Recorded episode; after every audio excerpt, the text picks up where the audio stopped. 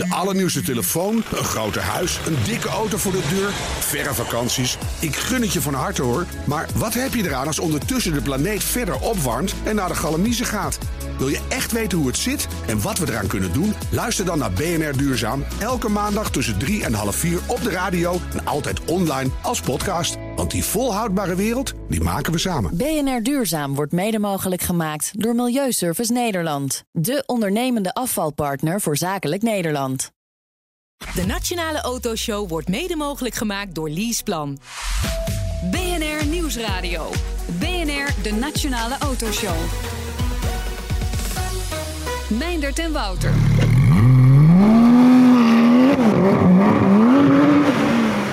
Ja, zo gaan we voortaan elke keer de show beginnen. Wat mij betreft, het beest van Porsche is dat. De Nij staat hier voor de deur. Ja, een nieuwe 911 GT3. Onze gast is een lichte verslaving aan deze auto, volgens mij.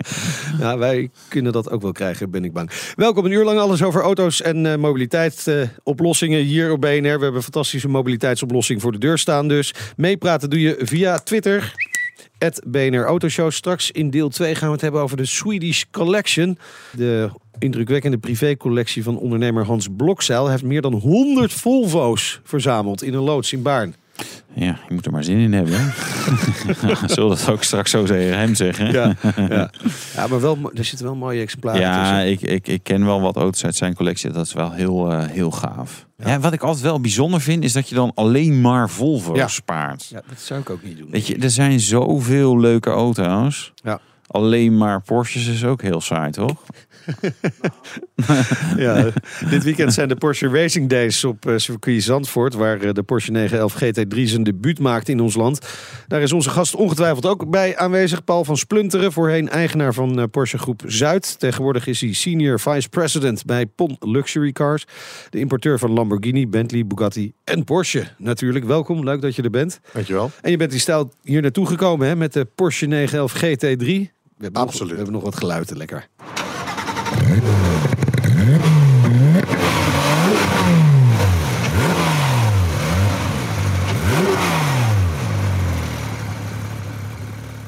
Ja, in zo'n geluidsfragment zegt uh, meer dan duizend woorden. Ja, nou, straks nog ook maar. Nee. Ja, Paul, er zijn wel echt talloze 911 varianten. Het is, het is bijna niet meer bij te houden. Wat, wat maakt deze uh, GT3 speciaal? Nou, het, zoveel zijn er niet. Ik bedoel, we hebben wat 911, klopt. Ja. Maar eigenlijk hebben we een Nou. geweldige menukaart. Ja. En uh, voor iedere smaak is er wat. Wil je hardcore track day, dan pak je een GT3 RS. Ga je uh, track days doen, maar wil je ook op de weg uh, die sportiviteit beleven, dan pak je een GT3. Naast zit dan de GTS en zo zak je af naar de gewone, zeg maar, comfortabele 911. Ja, ja, want deze GT3 is ook wel een beetje bedoeld om dat rauwe weer terug te krijgen. hè? Absoluut. Want Het werd een beetje slapjes allemaal. Nou, kijk, de, de, de eerste GT3 uh, stamt uit 1999, 2000. Ja. Eh, en Ja. toen, eh, dat was het jaar dat Porsche, of eh, de jaren dat Porsche met de 996 eigenlijk weer een wederopstanding had doorgemaakt. Maar dat was ook gericht op de Amerikaanse markt, dus die Ja. was wel wat comfortabeler. En toen werd de eerste GT3 gelanceerd, eigenlijk als een hardcore 911 met verstelbare ophanging. Eh, die moest je ook echt zonder airco bestellen, want dat was stoer, want dat scheelde 25 kilo. Die was bedoeld voor de hardcore 911 rijder. Ja, en dat heb jij ook gedaan, hè? Want je- dat is Het jouw was ook mijn Porsche. eerste Ja. 911. Ja, ja, precies. En, en ik had ook hem ook nog lak zwart gekozen. Dat was ook heel slim, zonder airco lak zwart. Dat heb Ja. ik geweten in de zomer. Ik heb het eerste jaar toen Flink 25 wat deo spuiten. Zeker. En eh, natte ruggetjes opgelopen. Maar wel, ja, fantastische beleving en Ja. ervaring. Eh, Zijn er nog veel klanten die echt zoveel in een GT3 rijden? Ik ken nu toevallig twee mensen die wel dagelijks in GT3's rijden. Maar goed, het, het, het- volgens mij is het wel een auto die veel onder in de kelder, onder een doekje. Nou, die je naar buiten haalt om een mooie rit te maken. Er Ja. zijn, ik ken nogal wat relaties, klanten die eh, een rit ermee gaan doen, een, een pas gaan rijden, eh, Ja. een, een tocht gaan doen of een rally gaan meerijden. Er, ik ken er ook enkele die er dagdagelijks mee rijden, maar dat, dan moet je wel er wat voor over hebben. Want ook zo'n Ja. kuipstoel in en uit, iedere keer als je in je pak, dat is ook niet Ja. alles.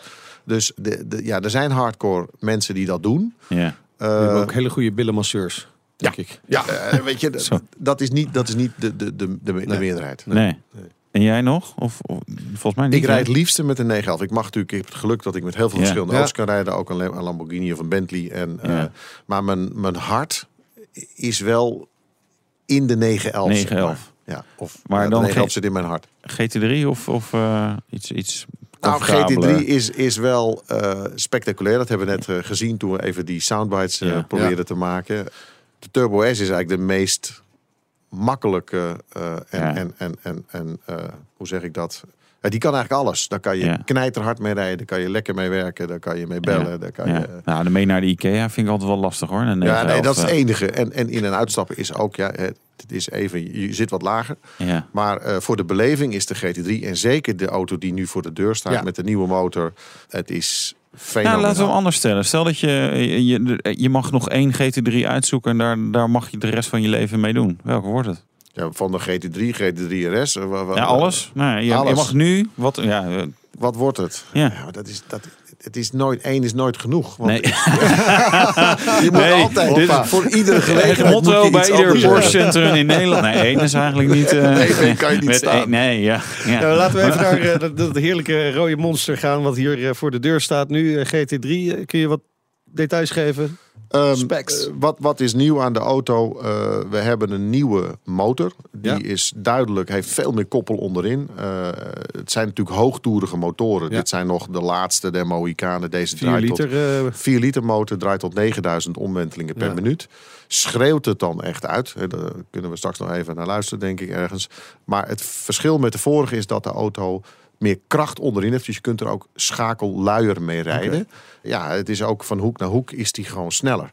We hebben vierwielsturing op de auto. Er is weer een geo en eh, aan de wielophanging is natuurlijk toch weer wat verfijnd en gedaan en gedraaid.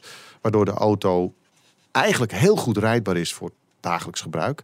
Maar ook een waanzinnig stuurgevoel geeft. En ehm, ja, Porsche is in staat gebleken om dat rare verschijnsel van die motor achter de achteras, wat eigenlijk fout is, Ja. om dat eigenlijk zo te maken dat je er geen last van hebt en dat je het zelfs mist Als als, hij voorin zit. zit. Ja, ja. Want als ik dan in het midden van de bocht op het gas ga, Ja. dan mis ik. En nu bij de, bij de Porsche heeft natuurlijk geweldige tractie uit de Ja. bocht vandaan. ja. En dat is bij deze auto ook Misschien zeer even goed om voor de luisteraars uit te leggen. We hebben een 911, en dat weten we. In principe zouden mensen dat wel moeten weten. De motor ligt echt eigenlijk achter de achteras. Maar dat betekent dat er veel gewicht op die achteras Ja. eh, ligt. Hè. En natuurlijk als je een auto als die optrekt, dan, ja, dan, hè, dan komt hij eigenlijk als het ware uit de veren voor. Gaat er al gewicht naar achter, maar bij een 911, ja, dit, ja dit, dit- het is ook een solide gevoel wat je eh, krijgt. Hij, hij heeft gewoon inderdaad enorm veel grip. Correct. Tot die grip er niet meer is.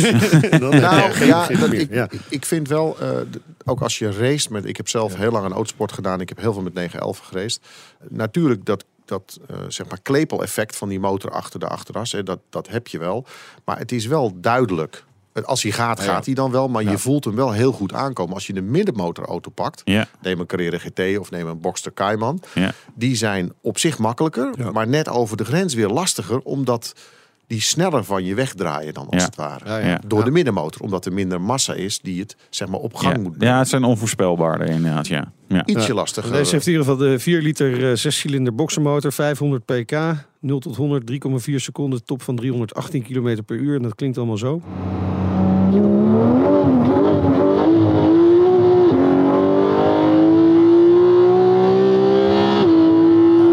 Dat hebben jullie hier allemaal op het, eh, op het plein opgenomen. Nou, We ja. die strepen niet gezien. Het was een beetje vochtig op de weg, dus je hoort hier en daar wat wielspin. Ja. Ja, we zullen het er verder niet over hebben. Ja. Eh, Hoe, hoe wordt een auto als deze ontwikkeld? Is dat los van het normale 911 traject? Hoe, hoe bijzonder is een GT3? Dat is eigenlijk ook een beetje de vraag. De GT, de GT's, dus of je nou de GT4 van de Cayman hebt of de GT3, of straks krijgen we weer een nieuwe versie eh, met een turbomotor erin. Er is al wat van uitgelekt, links en rechts. Ja, De GT2 RS, dat is ook een goed bewaard geheim. ja. Die auto's worden Nou, ontwikkeld door goed bewaard. Nou ja, niet zo goed bewaard geheim Nee. kun je ook zeggen. Eh, die auto's worden ontwikkeld bij Porsche Motorsport. Ja. Dus de, de motorsportafdeling die de raceauto's maakt, die maakt ook de GT's. ja. En eh, meneer Andy Preuninger, dat is een bekende eh, chef van het GT3-concept. Die zit daar nog steeds. Die doet het werk, samen natuurlijk met een team van ingenieurs. ja. En dat is inderdaad een ander clubje dan de productie. De normale productieauto's. Zie je dat ook terug in bepaalde keuzes die ze maken? Absoluut. Eh, de Cup-auto van Porsche, waar de Super Cup en de Carrera Cup mee wordt gereden, die, daar zitten elementen in die je ook weer terugvindt op de wegauto en omgekeerd.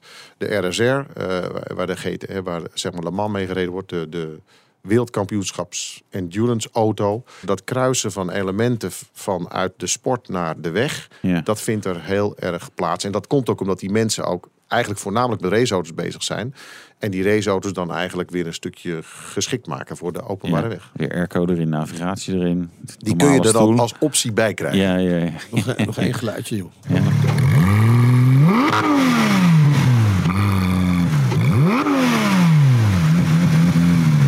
die, die hiervoor staat, is dat met een handbak of een automaat? Nee, dat is een automaat. Eh, PDK. je kunt nu ook weer de G. Dat is ook een stukje nostalgie. Ja. Als racer heb ik daar natuurlijk ook lang over moeten nadenken. Want ik ben natuurlijk hoe sneller, Ja. hoe beter. Ja. En een PDK, dat is gewoon. En zeker met de nieuwe PDK die in deze auto snel. zit. De schakelsnelheid is weer toegenomen. Het is fantastisch. Ehm, de handbak is natuurlijk, ja, het is ouderwets werken. Hè? Wil je dat wel, wil je dat niet? Werken kan leuk zijn in een Het auto. is superleuk, Ja, want als je, Ja. ik weet niet of jij ooit de R gereden hebt. Denk Nee. het, nou, Nee. dan zou je eigenlijk eens een keer moeten. Dat, nou goed, of, of, of een, of een, eh, een GT3 met een handbak. Ja. Nou, Da- ik heb een is- GT2 RS. Ik, ik weet er ergens één te staan, dus daar ga ik nog een rondje mee. Oh, met een handbak. Met een- ja, ja, ja, ja. Nou ja, een turbomotor met een handbak is nog wat moeilijker. Ja. Maar zo'n, maar zo'n eh, natuurlijk aangezogen motor met een handbak is natuurlijk geweldig Ja. spectaculair om dat zelf te doen. Ja. En, en dat is de, de charme van de handbakoptie. Maar denk je, denk je dat die veel weggezet wordt? Of gaat men tegenwoordig toch gewoon voor de PDK? Ik schat in dat 15%, Oké. 20% een handbak gaat bestellen. Omdat het succes van de GT3R, hè, dus de vorige generatie, maar dan een soort van licht, lichtgewicht en een speciale serie, die had ook een handbak. En de GT4, eh, de Cayman GT4, Ja. is ook leverbaar met een handbak geweest.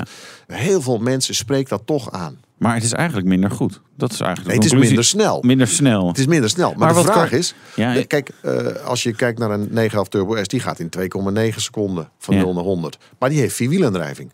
Deze GT3 is supersnel. Hè, die gaat in drie- 3,4 seconden. Zometeen gaan we gewoon verder praten Ja. over de Porsche 911 GT3. En ook denk ik over Andere dingen. andere dingen rondom Porsche. ja, GT2 Echt waar? RS, denk ik. Lijkt me ook leuk. BNR Nieuwsradio. BNR, de Nationale Autoshow. Zo dadelijk meer eh, met onze gast. Eerst is het tijd voor het nieuwsoverzicht van deze week, Wouter. Eh, BMW, daar beginnen we eens even mee. En die hebben de nieuwe X3 klaar. Derde generatie. Ja. X3, 3. Nou, de, nou, nu wordt het heel verwarrend. Ik vond die vorige X3 was wel heel erg braaf, Ja. netjes. En om daar maar een ander woord voor te gebruiken, saai.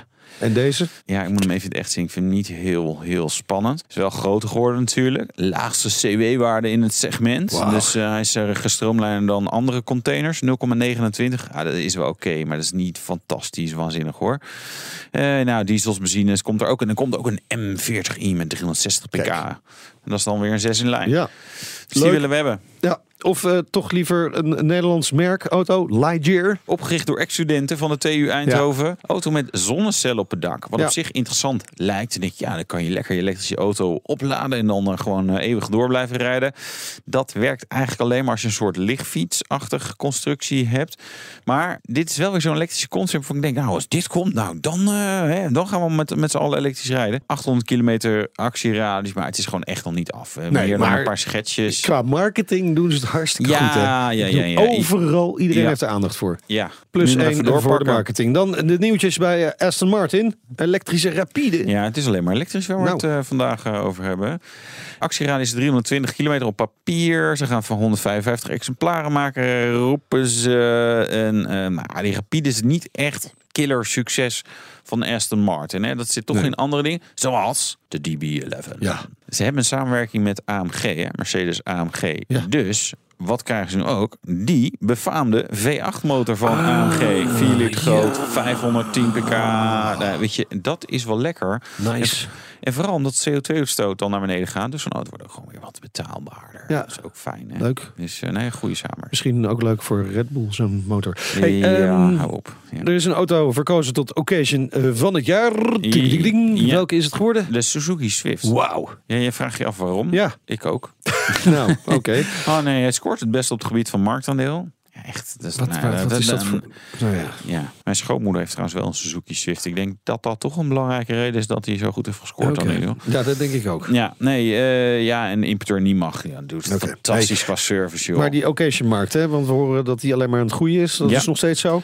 Ja, nee, het, het gaat als een speer. Ja, we hebben allemaal geld te veel. Hè. Rente krijgen we We niet. Ze geen nieuwe auto kopen. Nee, Dat is veel die te duur. Ja, nou, dus, nou, het is ook gewoon zo in Nederland. Belachelijk veel belasting erop. Dus die occasions die vliegen de deur uit. Heel veel. Eh, staan minder lang dan eh, in 2009. De staattijd zo'n zo'n feitje. 73 dagen nog in 2016. Hè. Dus een auto die staat zeg maar eh, dik twee maanden in de show. Dan wordt die verkocht. Dat is 15 dagen minder dan in 2009. Dus dat tikt echt wel aan. Elektrische wagens, nou, die worden helemaal snel verkocht. En dat komt vooral natuurlijk doordat er eigenlijk helemaal geen aanbod is. Precies. Tot slot, Wouter. De gele praatpaal gaat met pensioen. Dat is wel iets voor BNR om hier buiten te zetten, buiten de studio. Ja. Toch? Ja. Geel, Ja, geel, leuk. microfoontje erop. 299 euro per stuk. Nou, dat er kost één niks. kopen. Er staan er 3300 eh, langs de, langs de snelwegen, maar ze gaan er maar, maar 500 verkopen. Je kan via kopenpraatpaal.nl. ik moet zeggen, toen dat bericht naar buiten kwam, toen dacht ik, nou, ik, ik had al niet echt behoefte om zo'n ding te hebben, maar nu helemaal Heb niet. jij wel eens in zo'n praatpaal geluld, of niet? Nee. Nee, ik ook niet. De Petrolhead Check. Ja, die doen we natuurlijk ook met Paul van Splunteren, de senior vice president van PON Luxury Car. Ben je er klaar voor? Jazeker. Ja, echt? Ja, helemaal. We gaan de lat wel hoog leggen Ja, vandaag, ja dat ik. zeker wel. Ja. Eh, ik ben de baas van eh, vier super dikke merken natuurlijk. Hebben ze dan ook allemaal al een keer gereden, al die auto's? Zeker. Ja? Ehm, ja, ik kan echt zeggen dat ik alle merken gereden heb. En zelfs de Bugatti Chiron. Jee. En ik kan je zeggen, dat was ook een hele bijzondere ervaring. Met 1500 pk. Ik heb veel meegemaakt in mijn leven. Ik heb veel gereden. En eh, ook snelle auto's gereden. Maar dit was echt de next level. Ja. Nou, daarover gesproken, wat is de hoogste snelheid eh, die je ooit hebt gehaald? In een auto dan, hè? 355 Ah, mooi. Ja. op de snelweg in dat- Duitsland. Was, dat, was dat ook met de 918? Nee, dat was met een Bugatti Veyron. Oh, oké. Ja, die, Ah, die, dan- die, die lopen dan- makkelijker boven de 340. Ja. Ja. Maar in, in een Veyron is dat eigenlijk nog niet een indrukwekkende score natuurlijk. Nee, nee, maar dan moet je, nee, nou ja, dan moet je eigenlijk eh, met, de, met de testritten die we met de Chiron hadden met klanten in, eh, in Portugal was er Ja. één klant die had 375 gehaald. Vond ik ja. best knap. Ja, in, Portugal, op de openbare Ja, weg. dat, Zo, dat is ook nou. wel heel knap. Ehm, ja, je, je werkt met auto's waar luisteraars alleen maar van kunnen dromen. Ik heb de Ehm, mooiste baan van het heelal. Ja, en maar we gaan je nu jullie toch die lastige vraag stellen. Stel, weet je, een droomauto, maar het mag niet uit eigen stal zijn. Dus je moet iets anders kiezen waarvan je denkt, nou, dat zou ik nog wel eens een keer willen hebben.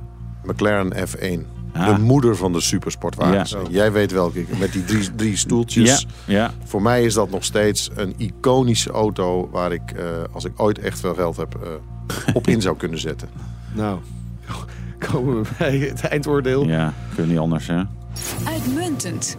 Of dacht Dank jij, u wel. dat- of dacht jij eh, voor verbetering vatbaar? Nou, ik, ja, weet je, 3,55 in een V-ron, dan, dan heb je nog wel een beetje gaspedaal Ja, eh, er over, zit wel ruimte. Er zit ruimte. ik, ik, ik, ik ga met de Chiron nog een keer daar overheen. Dat geloof ik. Nou, ja, ja, dat denk ik ook wel. Ja, hey, eh, laten we even naar het Porsche nieuws gaan. GT2 RS.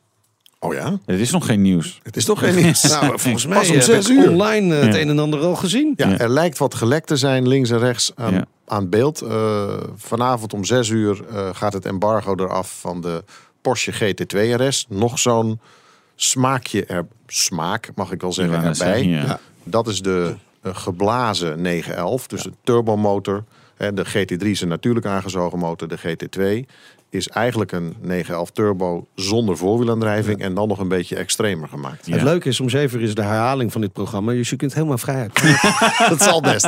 Ik heb in mijn vorige leven een auto Laten we even luisteren. We hebben gewoon een geluidje ervan. Ja. Zo hard gaat het. En hoor die twee turbo's zingen.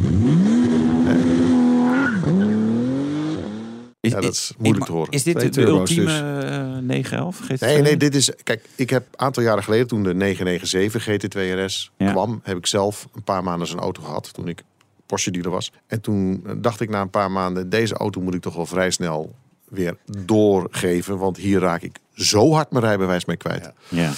Het verschil met een GT2RS en een GT3 is... de GT2RS heeft natuurlijk veel meer spullen achterin. Turbo's, Ja. turbines, koeling. Is wat zwaarder. Is Ja. ook nog wat zwaarder op de achteras. Maar er ligt wel een soort van nucleaire reactor achterin. Ja. Dat is echt, 700 pk. Ja. eh, zeggen ze, Zeg- eh, dat dat Ja. Van wordt. 0 tot 100 in. Zeggen ze 2,9 Ja, ik denk dat-. Onder de 3. Ja. Nou, dat ga je niet halen, want je mist de vierwielaandrijving. Ja. Je, je kunt dit eh, zelfs met een 911, die de gewicht op de achteras heeft, kun je heel goed accelereren. Ja. Maar dan nog mis je de voorwielaandrijving. En, maar deze auto gaat wel weer een nieuwe snelheidssensatie geven als het Ja. gaat om kracht eh, onderin. Dus eh, acceleratievermogen. Plaatjes die ik ook stiekem bekeken heb. Ja, het Ja. is een echte een, Ja. ja. een heel lekker gerechtje. Maar eh, eh, komen dit soort auto's eh, nu nog buiten? Hè? Want wat, wat mijn kritiek altijd is bij de, de speciaaltjes Nou, van. Porsche. nou, nee, ja, weet je, ze worden gekocht en iemand ziet als belegging. En nou ja, een jaar later staat hij voor, Nee, voor een tonnetje nee. meer te koop. Echt, echt. Het, het gaafste is dat het grootste gedeelte van de klanten, Ja. die rijdt er echt mee. Of het nou de R is, of de GT3, of de GT2 RS. En wij doen er ook alles aan om Ja. dat zo leuk en zo makkelijk en zo gaaf mogelijk te maken. Eh, ik denk dat Porsche vooral zich karakteriseert als een merk waarmee je wil rijden. Hebben, toen recent hebben we wat onderzoek gedaan naar eh, of mensen haal- en brengservice willen hebben. Weet je, voor onderhoud. Natuurlijk, een deel wil dat wel. Ja, ja, maar ja. een deel zegt ook, nee, natuurlijk niet. Ik moet ermee rijden. Ja. Hoe leuk is dat? Ja. Dus eh, dat, is wel, dat hoort echt bij Porsche. Dat je er wel hoe- echt mee hoe- rijdt. Hoeveel mensen in Nederland gaan er denk je mee rijden? Met de GT3, Nee, GT2. GT2, GT2 RS.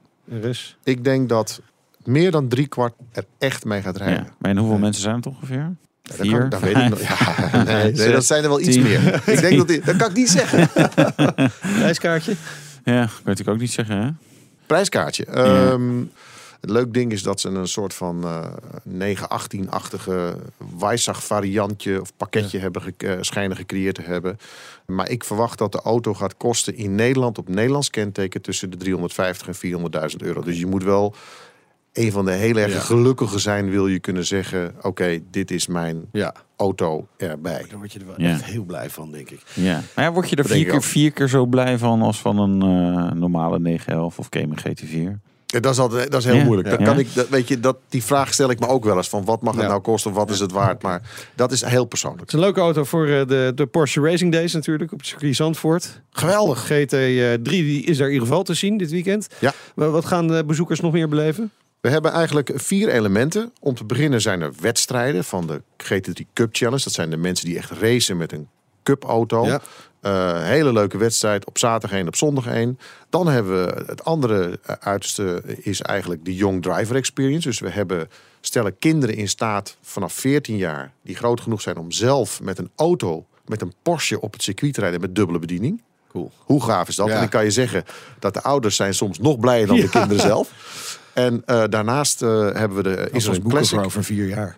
Ja. Leuk. Er is een classic demo. eh, dus een 911 eh, eh, RSR van vroeger een 356C. Maar ook de Porsche Carrera GT, wat een beetje een youngtimer is, die ongelooflijk klinkt. Die is te zien. En mensen kunnen zelf op het circuit rijden onder begeleiding of vrij. Afhankelijk van het type deel van het programma. Ja. Kunnen zelf op het circuit een aantal rondes rijden. Het is eigenlijk een heel ge- gevarieerd programma. Er is hospitality, er is veel te zien. We nodigen alle Porsche-rijders en alle Porsche-enthousiastelingen uit... om eh, zaterdag of zondag naar Zandvoort te komen. Ja, hoeveel mensen komen er ongeveer, denk je? Een paar duizend mensen Paar eh, duizend. publiek. Ja, en leuk, ik denk man. dat er 500 mensen echt zelf Ja. rijden. Gaaf, gaaf. Echt leuk. Hey, Panamera Sport Turismo. Laten we even naar eh, de, gewone zakenauto van Porsche gaan. eh, Goed hè? werk. Ja, Ja. stationwagen.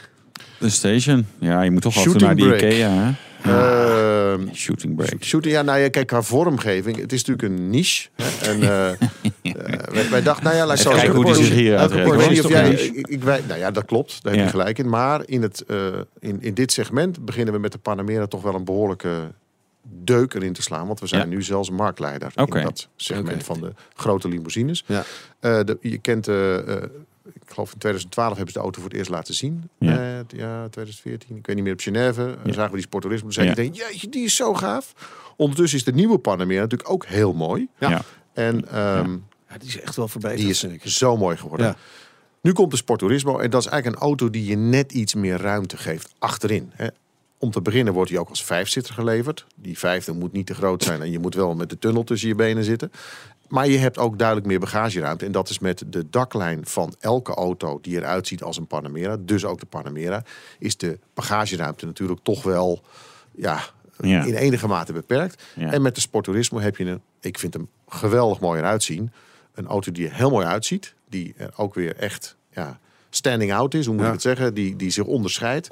Maar daarnaast ook net iets praktischer nog dan Ja. een gewone Panamera. Hebben jullie al een beetje gevoel bij of, of klanten er ook echt warm voor lopen? Zeer. Ja? We hebben, eh, ja, ik denk dat wij, eh, eh, ik denk dat drie van de tien klanten toch voor een sporttoerisme gaan beslissen. Veel. Ja, ja praktisch. Hey, eh, we, we moeten alweer afscheid van je gaan Ik vind nemen. het heel jammer. Eh, Ik we, vind- we ik- moeten echt even een nieuwe afspraak gaan maken om de rest eh, te behandelen Nou, ik- van ik heb- rondom Porsche en Ja. Pony Luxury Car. Want, Ja, we hebben nog drie merken te gaan, toch? Hallo, Dus eh? Ja, Lamborghini, Nou Bentley, precies. eh, nou, als we straks de performanten hebben, dan gaan we daar even over praten. Ja. En de, de en de, Huracan en de, Performante. de Porsche Mission E eh, kunnen we het dan ook nog over hebben tegen Zeker. de tijd. Ja. Bedankt voor je komst naar de studio. Veel succes dit weekend. Veel plezier vooral dit weekend bij de Porsche Racing Days op circuit eh, Zandvoort. Paul van Splunteren, Senior Vice President PON Luxury Cars. En zometeen een unieke, unieke collectie, kunnen we wel zeggen. Volvo's verzameld. Unieke collectie, Een- echt een unieke collectie. verzameld door een ondernemer in Baarn. Echt heel bijzonder. Ja, en jij reed in een uniek ruimtewonder van Ja. Peugeot. De Uniek. unieke nieuwe Ja, 5008. uniek. Tot zo. De Nationale Autoshow wordt mede mogelijk gemaakt door Leaseplan. BNR Nieuwsradio.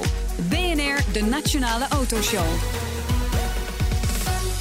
Meindert en Wouter. Hij heeft een eigen landgoed in Baarn, 30 hectare groot, waar hij de meest uiteenlopende bomen kweekt. Bomen? Waar- bomen. Ja. Bomen? Ja, over van bomen CO2, hè? Ja, oh, ja. Eh, maar misschien is nog wel indrukwekkender is de verzameling Volvo's die Hans Blokzaal in zijn eigen museum heeft staan. de Swedish Collection, de natte droom voor menig Volvo-liefhebber. En daarom is hij natuurlijk hier te gast. Straks rijden we in de Peugeot 5008. En weer heeft Peugeot dat kleine stuurtje gemonteerd. Op de een of andere manier wil je gewoon een lekker dik rond stuur in je handen hebben in dit soort auto's. Ja, heb je een vraag of wil je met ons meepraten? Twitter, het BNR Autoshow. Eh, we gaan praten over de Swedish Collection. Hans Blokzeil heeft meer dan eh 100 Volvo's verzameld. Dit weekend is een eh, deel van zijn collectie te zien op het Concours d'Elegance bij Paleis het Loo in Apeldoorn. Prachtig, prachtig evenement natuurlijk. Ondernemer, bomenkweker en Volvo-verzamelaar. Hans Blokzeil, welkom. Leuk dat je er bent. Ja, dank u wel, w- wanneer gebeurde dit dat je zo smoorverliefd bent geraakt op dat merk uit Zweden? Volvo. Enkele jaren geleden, toen was ik 18, 18 jaar. En toen was ik in Zweden. Daar deed ik stage voor mijn school, de middelbare tuinbouwschool. Maar ja, je ging s'avonds ook wel eens uit. Ja. En dan gingen we uit met allerlei leuke types. Je begrijpt wel wat ik bedoel? Het Swedish Bikini Team. Eh, yes, sir. En dan gingen wij uit in de Volvo Kattenrug. Oh ja. Ah, fantastisch. Ja. Ja. Fantastisch. Ja. En toen ben ik verliefd geworden op die kattenruggen. Oh, nou, oké, dus je bent in Zweden met allemaal Zweedse dames en dan onthoud je de auto. Dan ben je echt wel een petrolhead. Eh, ik vind jou... je, bent- je bent geslaagd voor de petrolhead Nou, inderdaad. Nou, Ja, bedankt. ik vind jou een gezellige man, maar zo is het dus wel. Ja.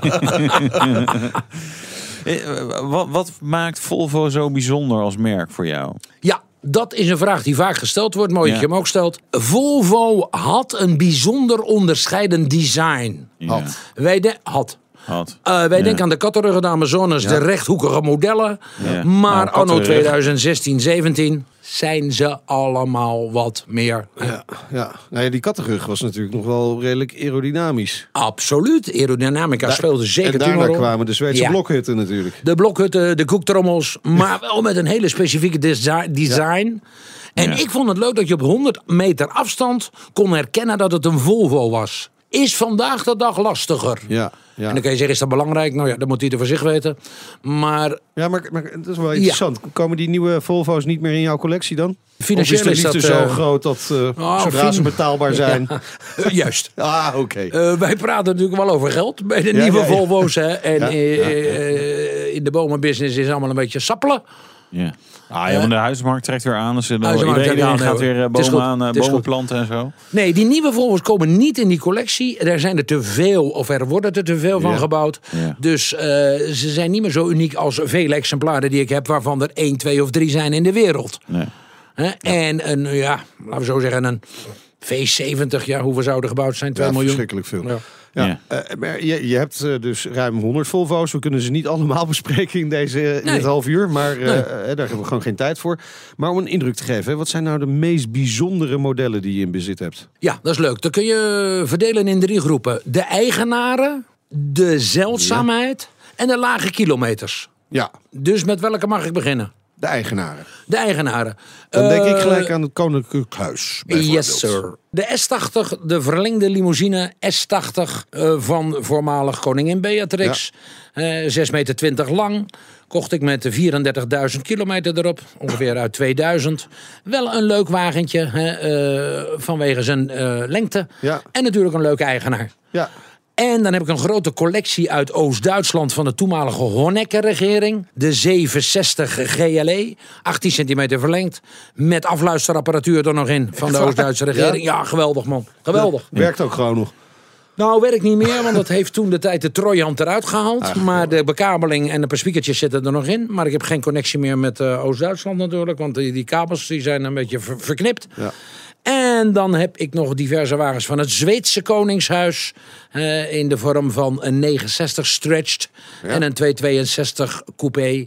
Bruin met goud. Ja. Hoe kom je aan dat soort auto's? Dankzij jullie. Ja? Oh, Ja. Nou, graag gedaan. Met plezier. ja. Dat is niet letterlijk. Ik heb geen computer. Ik ben niet van de computers. Ik hou niet van de computers. Maar ik heb veel kennissen die wel een computer hebben. Dus de halve wereld kijkt voor mij in de wereld naar auto's. En dan bellen ze mij op en zeggen ze: Ja, Hans, ja, ja, ja. ik heb weer wat gevonden. Mooi.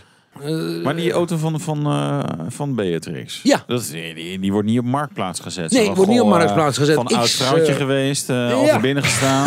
Rustig Ja. mee gereden. Ja, voldoet eigenlijk allemaal wel. Jazeker. Eh ik zit in de bomenbusiness Ja. en belever ook eh, de panden van het Koningshuis. Huis ten Bosch en Paleis Soesdijk. Ja. En dan krijg je natuurlijk een relatie met diverse lui daar. Ja. Waaronder de intendant, waaronder de chauffeurs van Beatrix. En die weten ook dat ik van de Volvo hou. Dus een van de jongens die zei...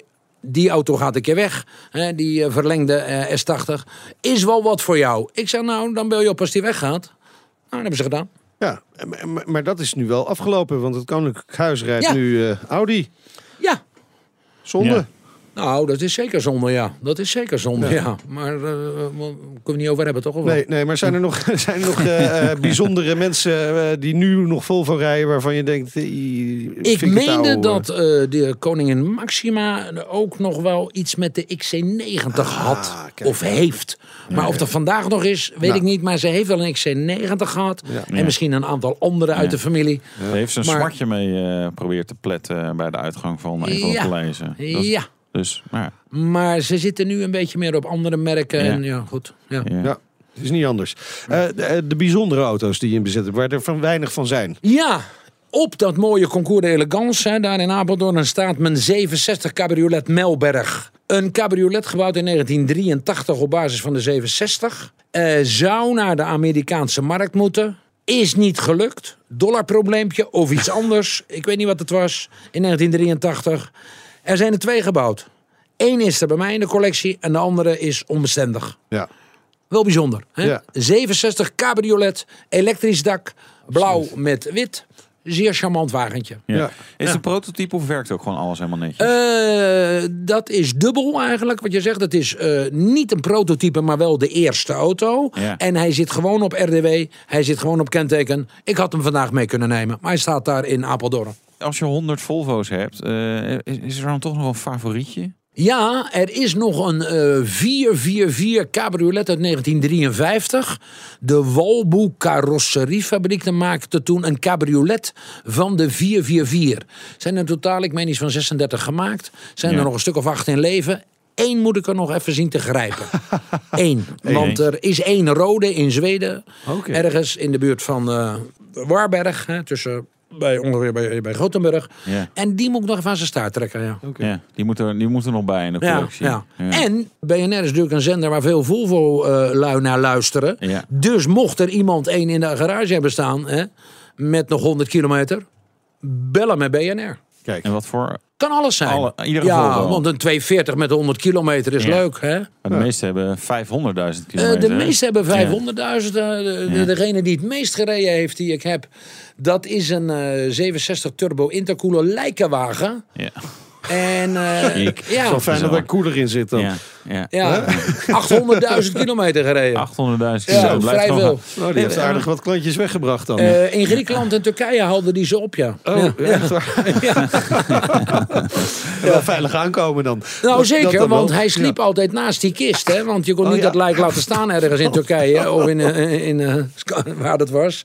Ja, een bijzonder dingetje. Ja, heel gezellig. Ja. Ja. En, komen ze allemaal nog buiten, die auto's? Of, Ja. Of, ja. Ze rijden gewoon allemaal nog af en toe Ja. eh, een rondje. Nou ja, ja, Ja. ja. ze komen allemaal buiten. Er zit allemaal een kenteken op. Ja. Eh, ik heb natuurlijk ook wat RDW-papiertjes. Ja. Dus eh, ze kunnen eruit en erin. Hè. In de bedrijfsvoorraad. En- Ja. En, en, welke is jouw favoriet om nu gewoon dagelijks mee eh, rond te rijden? Als je zoveel Volvo's hebt. Ja. Ja. Eh, ik heb een hele fijne 544 uit 1963. Een zwarte. Dus 1963 en nu, dat is eh, snel omgerekend hoe oud? 54 jaar of zo. Ja. Eerste eigenaar kocht ik hem van met 108.000 kilometer. En ik heb er nou 5.000, 6.000 mee gereden. Oké.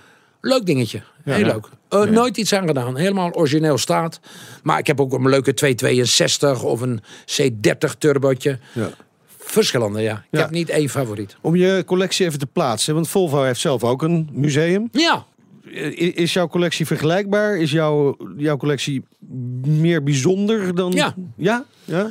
Het museum van de Swedish Collection is in 2008 geopend door een jullie bekende, Lex Kassenmaker. Ja, Lex kwam overvliegen uit Zweden om de Swedish Collection te openen. En Lex zei, ik vind dit allemaal wel leuk hier, maar hier staan 20 auto's die wij in het museum niet hebben. En die wilde die gelijk even meenemen. Eh, Laten we het zo daar maar op houden, ja. Hè, want er, eh, kijk, Volvo Museum heeft natuurlijk ook een aantal bijzonderheden, zeker. En die hebben ook vaak chassis nummer 1 Ja. van die 240 en chassis nummer 2 miljoen 30. Ja, maar welke wilde die eigenlijk nou gewoon echt meenemen?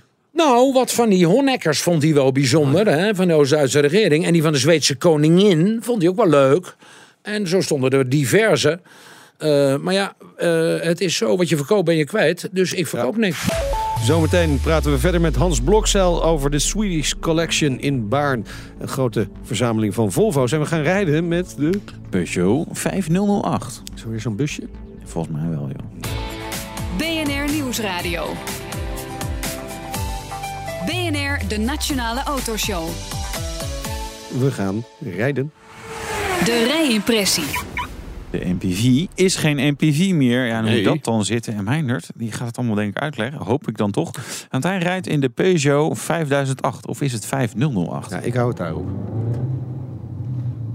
De Peugeot 5008 is herboren. Hij was de vorige generatie van dit model nog een eh, toch wat suffe MPV.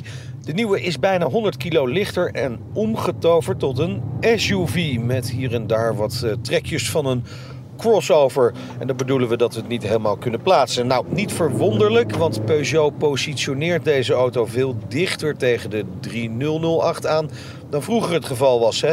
En laat die 3008 nou net de auto zijn die er eerder dit jaar met de titel Auto van het Jaar vandoor ging. Succes! Nou ja, er is in ieder geval grote kans op, ook met die 5008. Nou laten we in ieder geval vaststellen dat het verwantschap tussen beide modellen in elk geval behoorlijk groot is. Ze lijken niet alleen op elkaar, nee, ze delen onderhuids ook veel techniek. De 3008 en de 5008, ik word gek van die cijfers, staan op hetzelfde platform. Uiteraard groeide de wielbasis van de 5008 wel, om precies te zijn, met 16,5 centimeter. En dat zorgt voor echt wel een zee aan ruimte binnenin. Dit is echt wel een behoorlijke familieauto. Peugeot levert deze auto bovendien standaard met 7 zitplaatsen. Ja, waar vind je dat in deze klasse? Alleen de Skoda Kodiaq en de Nissan X-Trail die komen in de buurt. Het feit dat er veel ruimte binnenin is, wil niet zeggen dat deze auto rijdt als een tuinhuis op wielen. Nee, gek genoeg is het best wel een comfortabele auto om in te rijden. En laat ik het zo zeggen, je voelt je achter het stuur zeker geen buschauffeur. Zoals dat wel eh, vaker gebeurt in die iets te ruime MPV's. Nou, over dat stuur gesproken. In mijn hand heb ik weer dat hele kleine stuurtje. Ja, volgens Peugeot is het het kleinste stuurwiel ooit gemonteerd in een auto van dit formaat. En ik geloof dat gelijk. En we vallen misschien een beetje in herhaling, maar ja, hoe groter de auto wordt, hoe minder aantrekkelijk toch dat kleine stuurtje eigenlijk is. Op de een of andere manier wil je gewoon een lekker dik rond stuur in je handen hebben in dit soort auto's. Ja, het past gewoon niet. Peugeot kiest bij deze 5008 voor een eh, behoorlijk strak interieur overigens. Hè. Ook de iCockpit, het digitale dashboard van Peugeot, is weer van de partij. Is handig, ziet er gelikt uit. Puntje van kritiek, jazeker. Bij het infotainment system kun je maar beter een flinke handleiding meegeleverd krijgen en die ook echt gaan lezen. Want ja, het blijft een Franse auto. Het werkt zo omslachtig, niet te geloven. Nou, het aanbod van motoren in deze auto is behoorlijk groot. Je kunt kiezen tussen twee benzine- en drie dieselmotoren. Instappen doe je vanaf 32.660 euro. Krijg je een 1,2 liter benzine met 130 pk'tjes. Nou, bij ons springt het topmodel natuurlijk in het oog. De GT met 180 pk uit een 2 liter dieselmotor. Maar ja, die kost weer bijna 52.000 euro. En dat, dat is misschien weer net iets te veel van het goede voor dit soort type auto. De Peugeot 5008. Het is nu dus een SUV. Dat heb ik er maar van gemaakt. Met wat crossover elementen. Ja, Als je niet slim. weet wat het is, dan zeg Ja. je dat het een crossover is toch? Ja. Maar, maar heel dat stuurtje, ja, ik vind het echt helemaal niks. Nee? Nee. we hebben het over Volvo's, hè. Er zitten gewoon lekkere Ja, sturen in. Hè? schitterend. Ja. Sommigen nog met de, ivoorkleurige uit Ja, 1947 ja, ja, heb ik er ook nog een paar. Die zijn Ja. ivoorkleurig, ja. Ja. Prachtig. Dus je was niet heel enthousiast over de 5008 of de Nou ja, 5008. nee, nee, nee, wacht even. Het stuur. Is, nee, over het stuur. En, maar het is wel een goede keuze dat ze dan eh, hebben herverbouwd tot een SUV. Ja, vind ik ook wel. Het is echt gewoon veel beter. Ja. Ja. En het rijdt best wel goed. En eh, dit is mijn eindoordeel. Parkeren maar. Maar niet voor mijn deur. Ergens anders. Een beetje flauw. Ja, Wel, ja goede auto, maar Goeie auto. moi. Ja, Ja. zoiets. Ja, ja dus eh, hè? Eh, een aanmoedigingsprijs. Die geven ze. Ja. BNR Nieuwsradio. BNR, de Nationale Autoshow. Praten wij ondertussen verder met eh, bomenkweker en Volvo-verzamelaar Hans Blokzeil. Hans, je hebt eh, eh, meer dan 100. Hoeveel zijn het er precies, weet je dat? Ja, 112. 112. In een eigen privémuseum in Baarn. Onze redacteur Nout Broekhoff die is, is er geweest. Ze zet na de show een verslag online op bnr.nl slash autoshow. Die, die verzameling, hè, hij is nog niet helemaal compleet. Toch? Je De verzameling is nooit compleet natuurlijk. Oké. hè? Ja, Ja, maar er komen ja. steeds nieuwe Volvo's bij. Eh, en er verschijnen ook weer steeds oude op mijn gezichtsveld. Ja, Ja. zoals wat... wat, wat, eh, wat eh, Oh ja, die, die, die cabriolet waar we het ja, over precies. hadden. hè? Maar volgens En, mij heb je ook eentje, niet de 850 Nee, T5 ja, die- R, ja, de gele T5 banaan. R, de gele banaan. Hoe kun je die, ja, nou, hoe kun je die dus- nou niet hebben? Ik zou zeggen, roep hem op. Hè? en eh, als er eentje is met onder de 50.000, dan eh, bellen met BNR. Ja. Ja. maar dat is lastig natuurlijk. dat- Weinig Ja. kilometers. Ja, meestal 300 en een beetje afgereden. Want het waren natuurlijk speedwagens. Ja. Ja. Dus ja, ja. Maar dat is, dat is voor jou een belangrijk element. hoor. Ah, je moet er wel een beetje. Ja. Ik ben niet van het restaureren. Ik kan het niet. Ik hou er niet van. En dus ik wacht maar tot er een eh, klare komt. ja, nou, we kunnen in ieder geval het geluid aan je laten horen. Geluid. Ja, laat maar horen.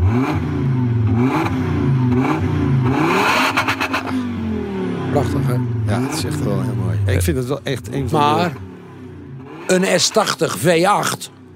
Ja, Ook een lekker geluidje, ook hoor. een lekker geluidje. Maar ah, ik vind deze toch wel net even Ja, bovenuit stijgen hoor. Ja.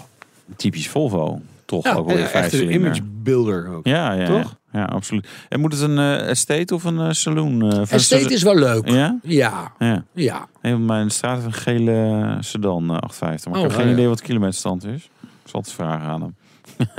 maar ja. Zijn er nog andere auto's waar we je, je in je zoektocht mee moeten helpen? Wat, wat? Mm, nou ja, alles wat een beetje bijzonder is, wat we net al zeiden. Hè? Ja. Staat er bij jouw buurvrouw in de garage nog een, eh, een 480 hè, met 100 kilometer. Nou ja, grijpen. Ja. Hey, eh, die collectie, hè? want eh, je, hebt een, je hebt een prachtig nieuw gebouw neergezet, Ja. ook in eh, Baarn. Daar, komen die auto's ook daar mooi te staan. Je hebt een Mm. mooie folder, maar daar staat gewoon een Aston Martin op de foto. Ja, heb ik ook gezien. Ja, heb ik ook gezien. ja. nou? Maar in dat gebouw komen niet die auto's te staan, want daar is het museum voor. Ja. Maar ik vind het fijn dat je er even over begint. want dat gebouw, de Jardin d'Hiver, geopend twee maanden geleden. Maar daar kunnen wel alle autojongens uit Nederland hun auto's in presenteren voor de New Line. En toevallig staat Volvo Nederland er nu twee weken. Oké, met? Met de nieuwe XC60. Ja, natuurlijk. imposante wagen. En die staat nu in Ja. dat nieuwe Jardin d'Hiver. Ja. En eh, ja, dat zal hopelijk zo doorgaan.